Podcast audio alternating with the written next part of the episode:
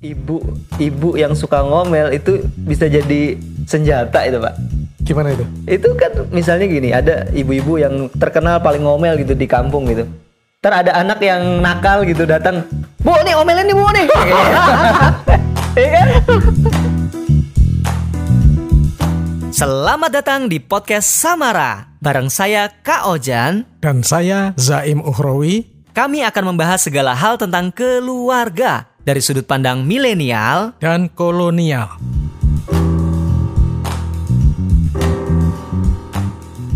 Kemarin kita sudah ngobrol tentang bertengkar, Pak. Oke, Bertengkar. Kalau konteks di rumah itu bertengkar itu ada ada yang khas nih. ada yang khas eh, antara suami sama istri. Yaitu ngomel. Ini kayaknya perlu dibicarakan nih, Pak.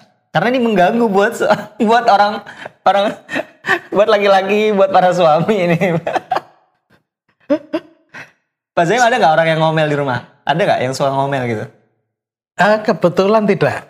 Ah masa Pak? Kebetulan tidak. Wah, saya Jadi- boleh tinggal di rumah Pak Zaim? Eh, sebulan mau siap bayar berapa?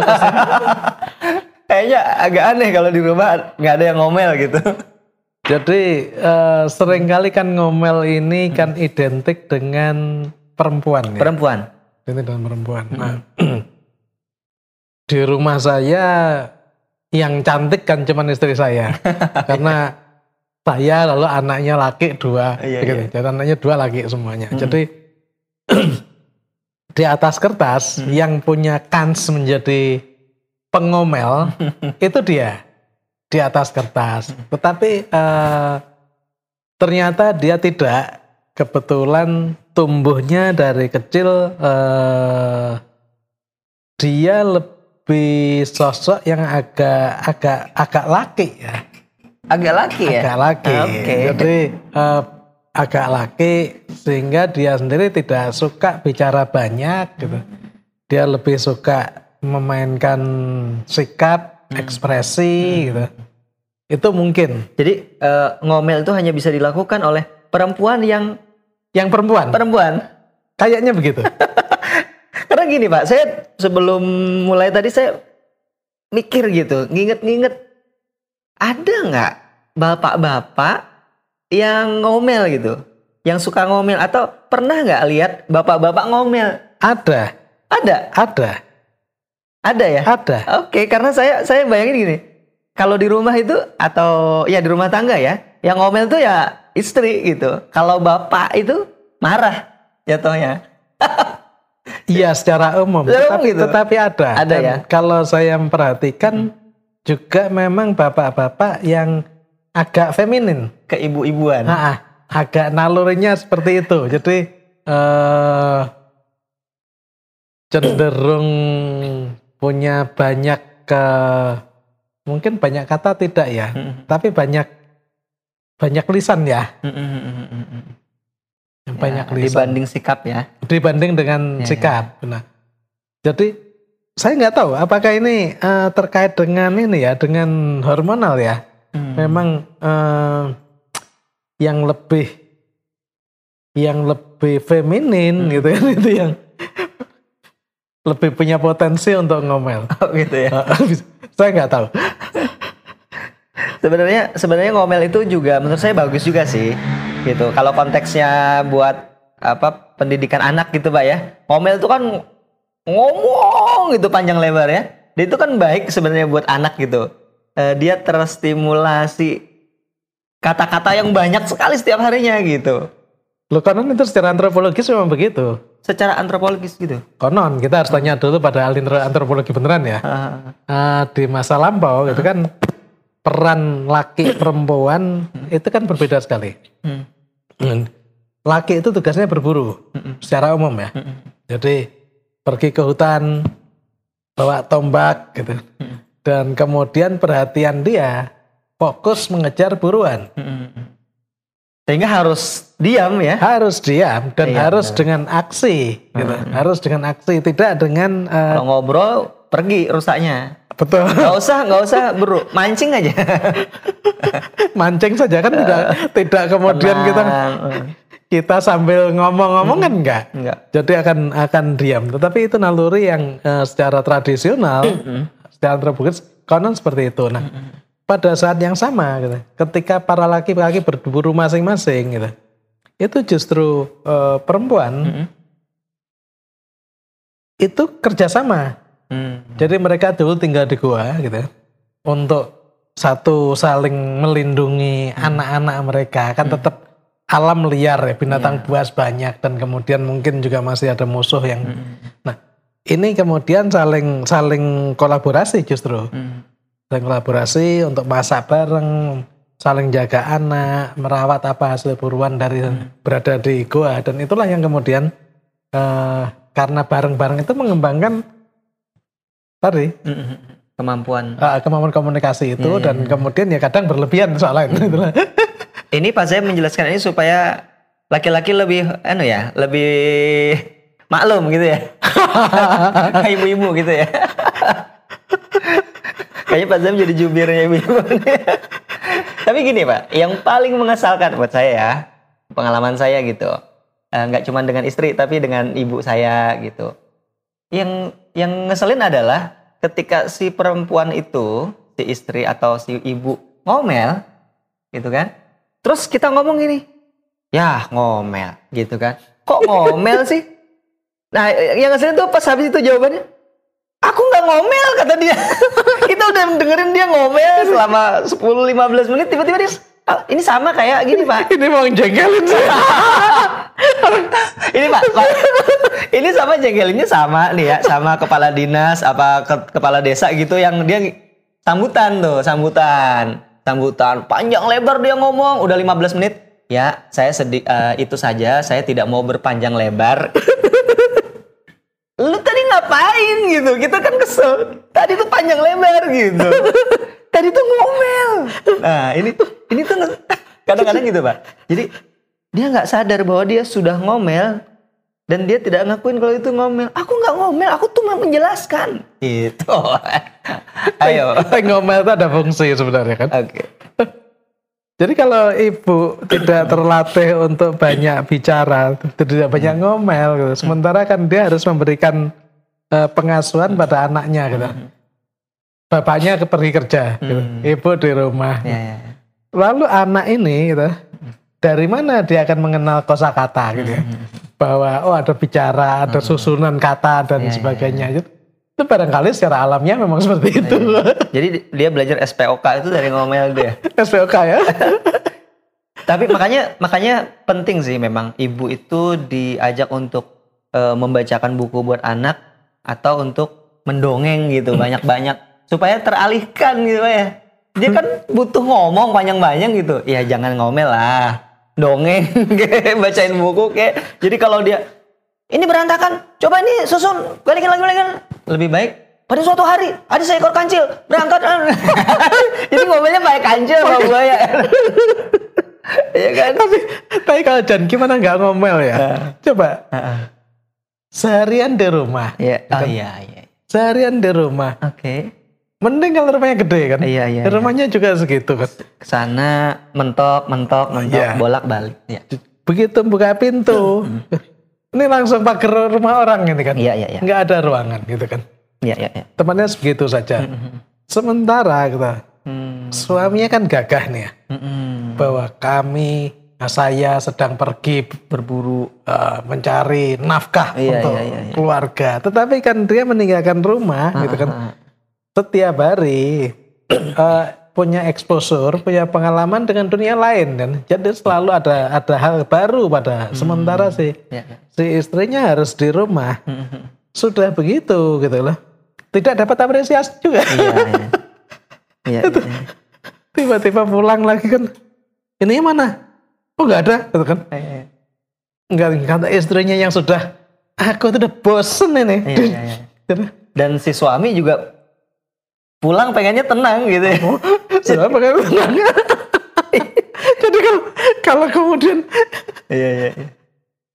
istrinya kemudian ting ting ting ting ting ting pada titik tertentu ya sebenarnya dimaklumi lah. Iya, iya, iya. Oke, kalau ko- kalau kondisinya gitu, Pak. Kalau kondisinya gitu gitu ya di di mungkin di mayoritas eh, rumah tangga gitu ya. Apa yang harus dilakukan untuk untuk meminimalisir? Oke. Kira-kira apa? Kalau Pak Zaim kan kasusnya tidak terjadi ya. Iya, itu kan saya sulit untuk Karena istrinya Pak Zaim sangat sangat apa namanya eh, eh, produktif gitu di luar rumah ya. dia sangat di luar Jadi rumah. mungkin sampai di rumah capek juga untuk ngomel nggak Oh iya, betul. Jadi kalau di luar sudah begitu sampai sampai rumah masih ngomel itu Iya, kan iya, keterlaluan iya, itu kan. iya. Iya, iya. Tapi ada sih ya, masih mbak aja. Ada sih ibu-ibu yang udah kerja di luar masih ngomel di rumah.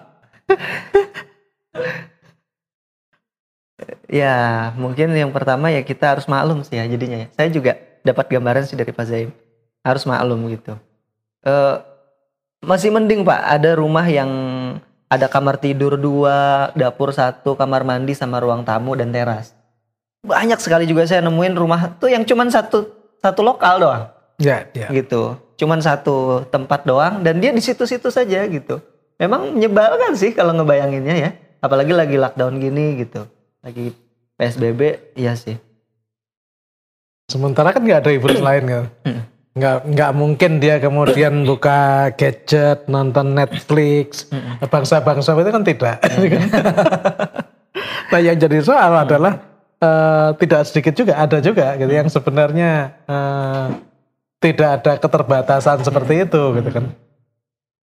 Ini rumahnya besar, kemudian fasilitasnya tersedia, dia mau keluar kapan pun oke, Iya. dan itu dan sebagainya, dan tetap ngomel. iya iya kalau yang kalau yang seperti ini sudah penyakit ini kan. iya iya iya. benar benar benar. Jadi eh, jika itu memang kebutuhan ya itu kebutuhan dia untuk bicara banyak gitu mungkin ya salah satu caranya ya disalurkan pak ya nah salurkannya apakah dengan ngomel gitu atau eh, kalau ngomel kan kesannya satu arah ya pak ya satu arah gitu Ya, ya. atau kalau pasangannya bisa mewadahi gitu bisa memfasilitasi ya ngobrol ya jadinya ya Nah di situ yang jadi pentingnya. pendengar yang baik Jadi di situ pentingnya. Eh, bagaimana pasangan tidak membiarkan dirinya pasif. pasif ya Ya, karena tadi pasangannya ngomel, kemudian ah males lah. Males nanggepin gitu dan Iya, iya. dan begitu males nanggepin kan. Ya ini kemudian menjadi berulang berulang berulang dan Iya, iya. dan eh, tanpa terasa itu menjadi moda dia kan. Mm-mm. Setiap hari seolah-olah komunikasi begitu dan ketika itu dari hari ke hari demikian ya terus menerus ya, itu menjadi akan menjadi polanya. Mm-mm. Nah, pada saat itulah yang kemudian eh, pasangannya menjadi penting untuk menimpali gitu, Mm-mm. omelan tersebut gitu loh, dengan eh, dengan pas gitu kan dan membawa pada perbincangan gitu. Sehingga, dialog ya pada dialog. Nah, ini ini butuh butuh ketelatenan ya. Iya, iya, iya. Oh, gini, Pak. Jadi satu lagi nih. Eh, ngomel itu biasanya dilakukan oleh istri atau ibu gitu ke sesuatu yang tidak disukainya kan? Ya, Bukan ke betul. sesuatu yang disukai gitu. Ya. Nah, selain dia tadi nggak ngaku gitu yang nyebelinnya lah. Aku nggak ngomel. Yang kedua adalah biasanya yang terjadi gini. Kalau dia ngomel gitu terus kita kok ngomel sih? Maka jawabannya gini. Ya aku nggak akan ngomel kalau nggak ada yang bikin aku ngomel. gitu kan. Jadi aku ngomel karena kamu loh gitu. Makanya kalau kamu nggak mau aku ngomel, kamu jangan bikin aku ngomel. Ya itu kan benar. Ya benar sih. Ya benar ya. Prinsipnya kan benar itu. Biasanya benar. Jadi Ya ya ya. ya. ketika kita sendiri tidak Ah, kalau menganggap duduk, lagi duduk berdua begini, lagi santai, iya jadi iya bener ya. Tapi kalau lagi pas dia pas lagi ngomelnya, aku ya, kayaknya ngeselin gitu. Kok aku lagi salahnya? Lu yang ngomel, aku yang salah gitu. gitu. Memang perlu sih duduk mem- me- membayangkan kejadian sebelumnya ya, Pak, dengan lebih jernih ya. Iya bener juga ya. dan tadi prinsip yang kemarin Kak Ujan sampaikan itu eh, untuk kemudian setelah ini berlalu di situasi yang rileks membicarakan lagi Hmm. peristiwa itu. Kenapa sih kemarin ngomel gitu? Iya, iya, iya. Karena di balik ngomel dia gitu, itu kan ada ada kebenaran yang dia sampai enggak sampaikan. Hmm. Tetapi eh, cara penyampaiannya saja yang tidak pas gitu Iya, kan. iya, iya. Yang tidak pas. Tapi ada ada substansi kebenaran yang dia sampaikan. Nah, Iya.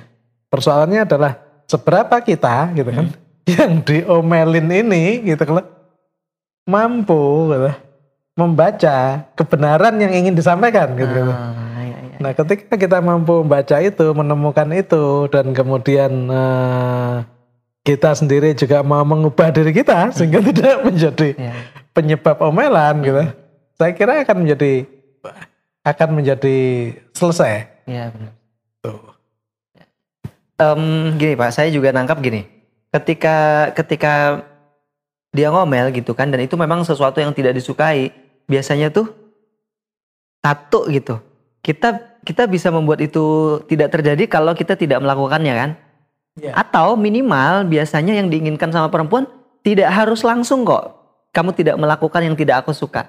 Tapi tolong eh, yakinkan aku bahwa kamu sedang dalam proses memperbaiki gitu. Jadi eh, dia hanya perlu gitu. Kalaupun kita tidak tidak atau belum bisa gitu me- tidak melakukan yang tidak dia sukai, si perempuan atau istri atau ibu itu dia hanya perlu tahu bahwa kita sedang berusaha Untuk untuk mengatasi untuk itu. mengatasi. Oke. Contohnya gini misalnya, dia nggak suka berantakan nih. Kasusnya istri saya, dia nggak suka berantakan dan sebenarnya dia tahu suaminya suka berantakan gitu. Eh, jadi pas dia nyampaikan itu gitu, ini kok di sini sih kemarin kan udah dikasih tahu dibalikin lagi ke sana, Pak gitarnya kok nggak dibalikin lagi? Ini kan gitu kan? Dia akan tidak ngomel kalau tidak menemukan itu kan Pak? Iya. gitu. Pas dia mau dia ke ruang tamu, ya gitarnya udah rapi. Ya ini rapi. Jadi aduh mau ngomel apa nih kan nggak ada kan gitu. Jadi sebenarnya tanpa sadar sudah mengecewakan istri ya. Iya juga ya. Jadi kecewa jadinya. Oh kecewa dong, artinya dia tidak punya kesempatan untuk ngomel. Gitu. Iya. Jadi kadang-kadang nggak apa-apa kau Jan memberikan kesempatan itu. Atau kadang-kadang eh, tadi ya, terus pas kita sudah oke aku akan berusaha ya gitu.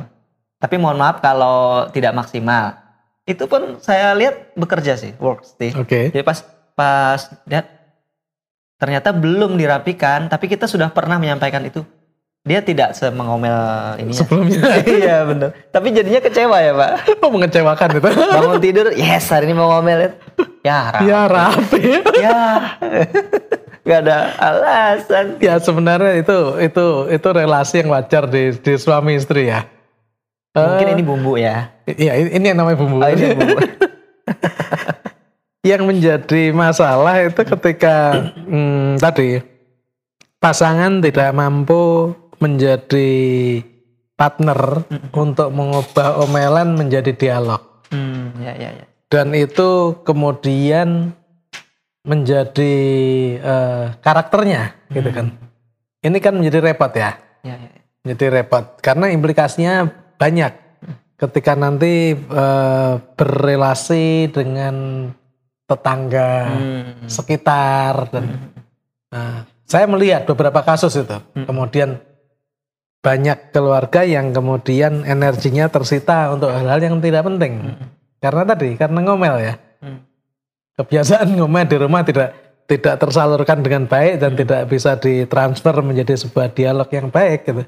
Itu kemudian kalau keluar ya bermasalah dengan Dengan lingkungan. dengan ya. lingkungan Iya, Masa jadi ingat film ini kan Apa pak? sinetron dulu eh, serial itu Bajai Bajuri gitu loh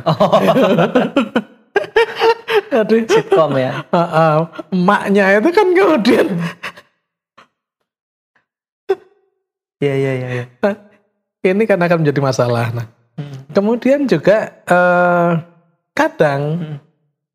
ada juga istri yang dia eh, cukup mampu menjaga tidak ngomel pada suami. Hmm. Entah karena memang suaminya eh, tidak membuat hal yang membuat dia ngomel gitu ya, dia mampu mencegah itu. Tetapi kemudian ngomelnya pada anak Hmm. Ya. sangat banyak, gitu. Sangat banyak ya. sangat banyak. Heeh. Jadi misalkan berapa hari lalu kan ada yang ya keluarga datang ke saya gitu kan ya main aja keluarga dekat gitu. Dan suaminya yang komplain, iya ini kalau sudah mulai ngomel sama anaknya dan kemudian akhir ujung-ujungnya berantem nah repot semua nih semua gitu. Tapi hikmahnya ini Pak ya, hikmahnya punya keluarga atau is- pasangan istri yang ngomel itu kita bisa berlatih mendengarkan ya. bisa berlatih jadi kalau orang yang mendalami coaching gitu kan, ah kebetulan nih gitu kan, ada alat ada tempat buat praktek gitu. Dengerin. Oh gitu ya. Oh iya ya. Oh tidak sesuai tempatnya ya. Oh, menurutmu bagaimana?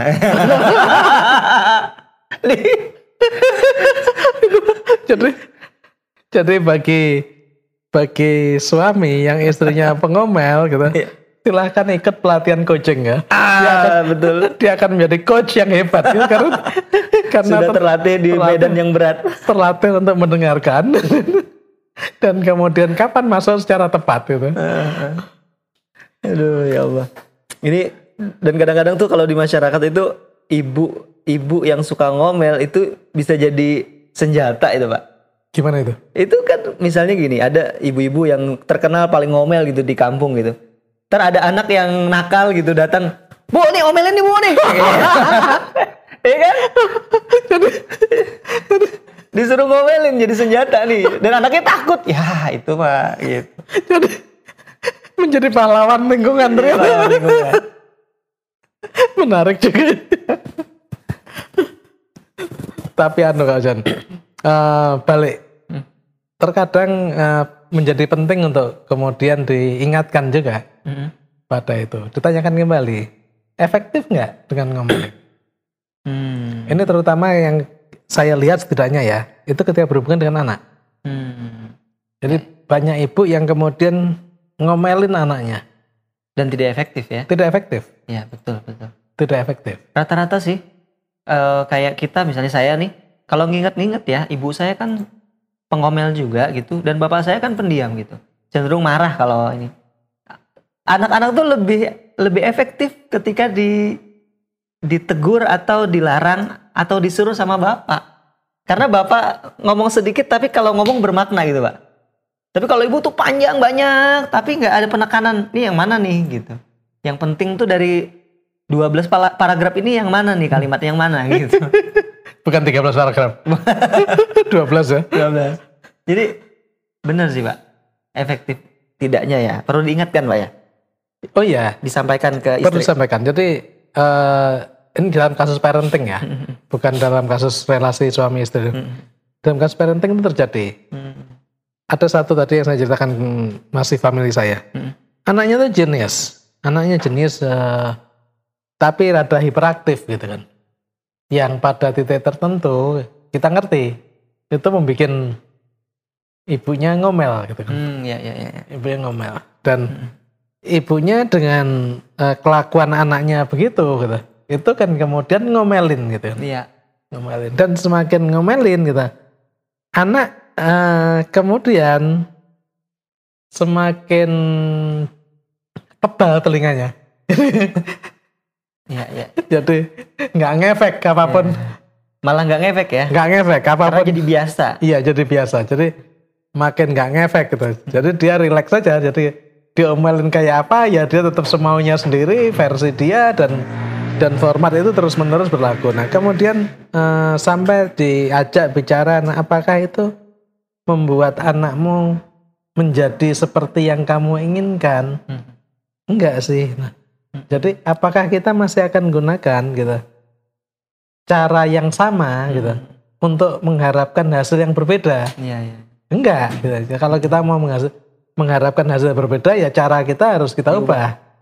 Dan kemudian pelan-pelan ya perlu diingatkan untuk perlunya dialog gitu. Kapan menjadi penting untuk menyampaikan sebuah eh, pesan gitu kan. Dan kapan di disimpan. Hmm. Ya, ya, ya, benar. Jadi untuk konteks parenting ya perlu juga sih diingatkan Pak ya. Oh sangat. Karena ya benar-benar. Dan dalam beberapa kasus misalnya eh, ada kejadian belum lama juga ada kriminalitas pembunuhan suami istri gitu. Hmm. oleh tukangnya dan ketika ada ini ya karena sering diomelin Nah.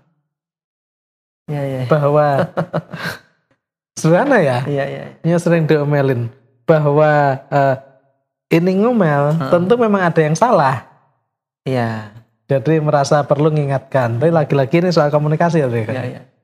keterbatasan eh, berkomunikasi secara tepat kemudian disalurkan dengan cara yang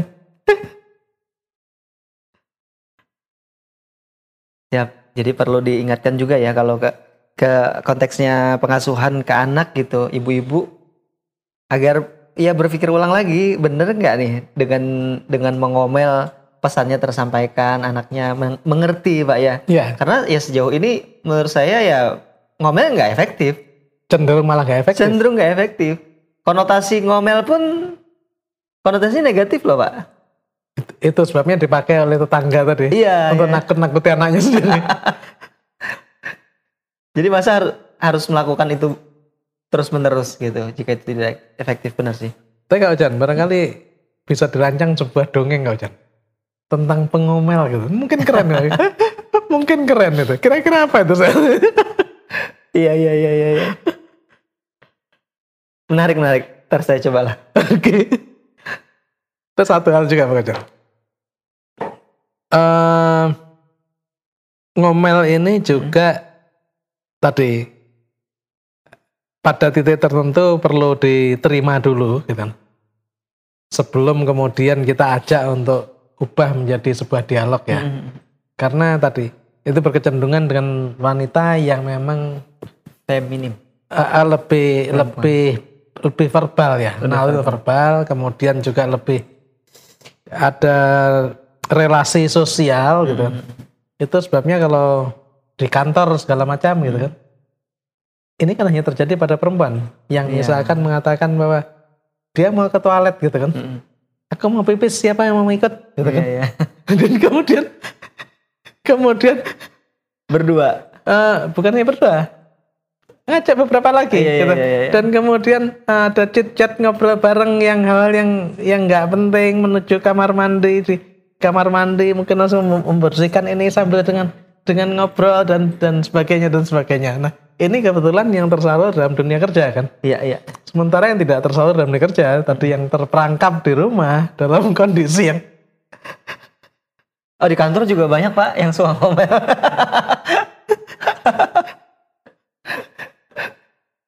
itu saluran di rumahnya ya Salon di rumah nggak ada ya. tidak tersalur